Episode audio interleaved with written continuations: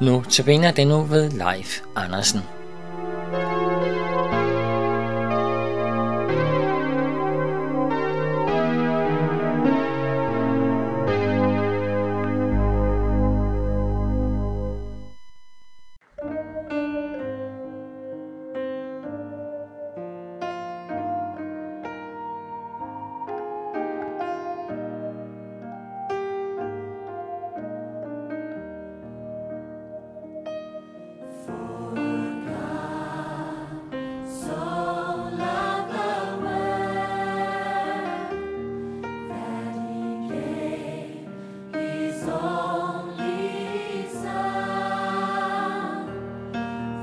you.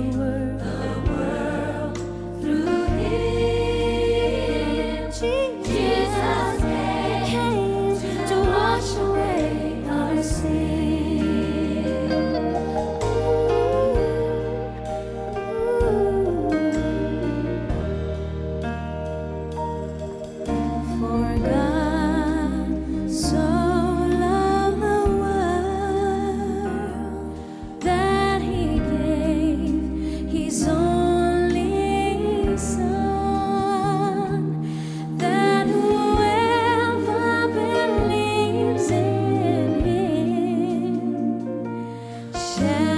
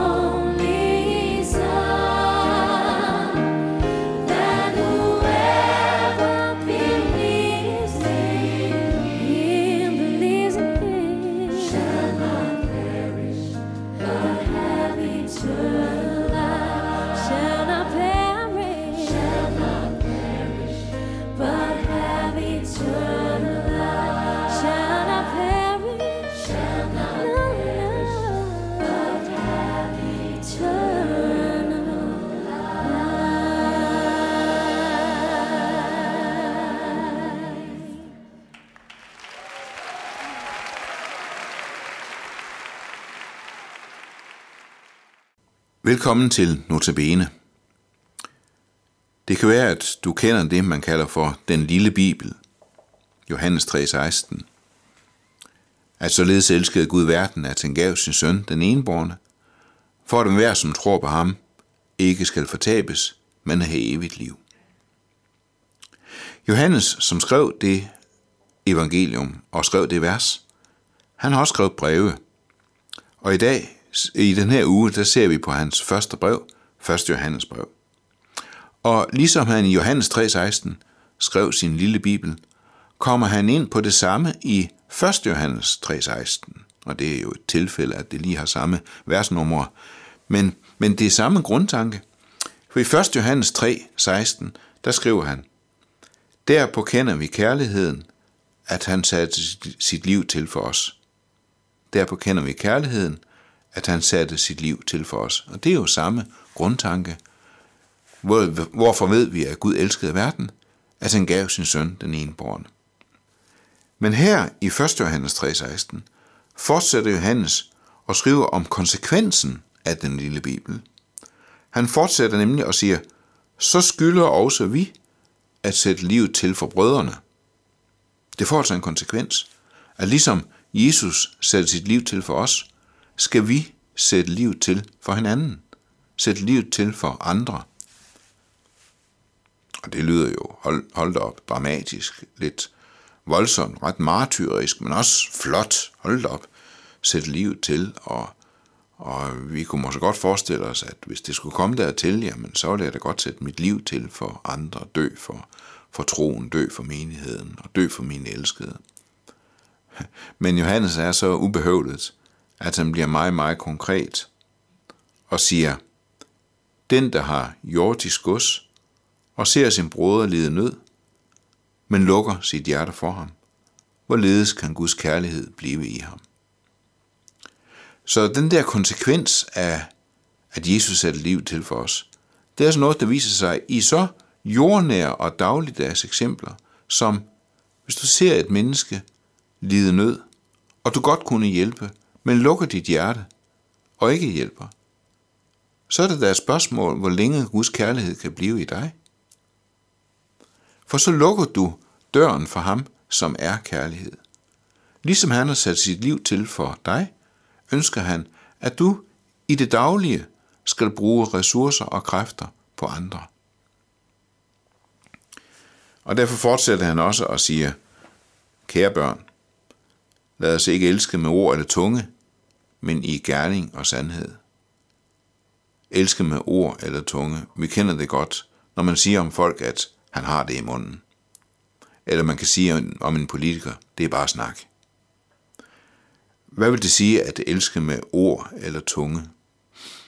Jamen det kunne for eksempel være en kristen leder, der gerne holder vidnesbyrd og gerne prædiker om, hvor stort det er at komme til Gud og beder om tilgivelse.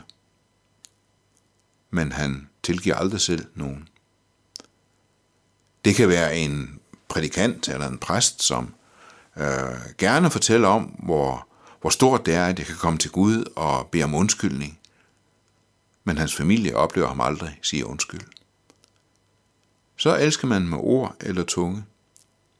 Og det er ikke fordi, at øh, så bliver vi frelst ved gode gerninger, ved gode ord og ved at sætte liv til for vores næste.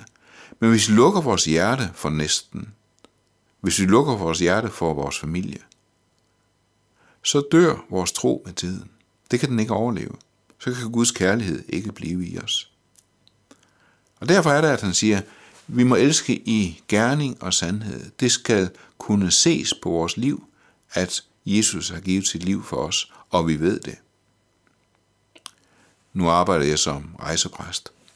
Og det kunne jo være, at øh, når jeg drøner rundt så og rejser som rejsepræst og gerne fortæller om Gud, og jeg prædiker om Gud og prædiker om, om Guds rige, at det så lige bliver stanset op af et ord af Paulus, at den, der øh, ikke tager sig af sin husstand, er værre end vantro.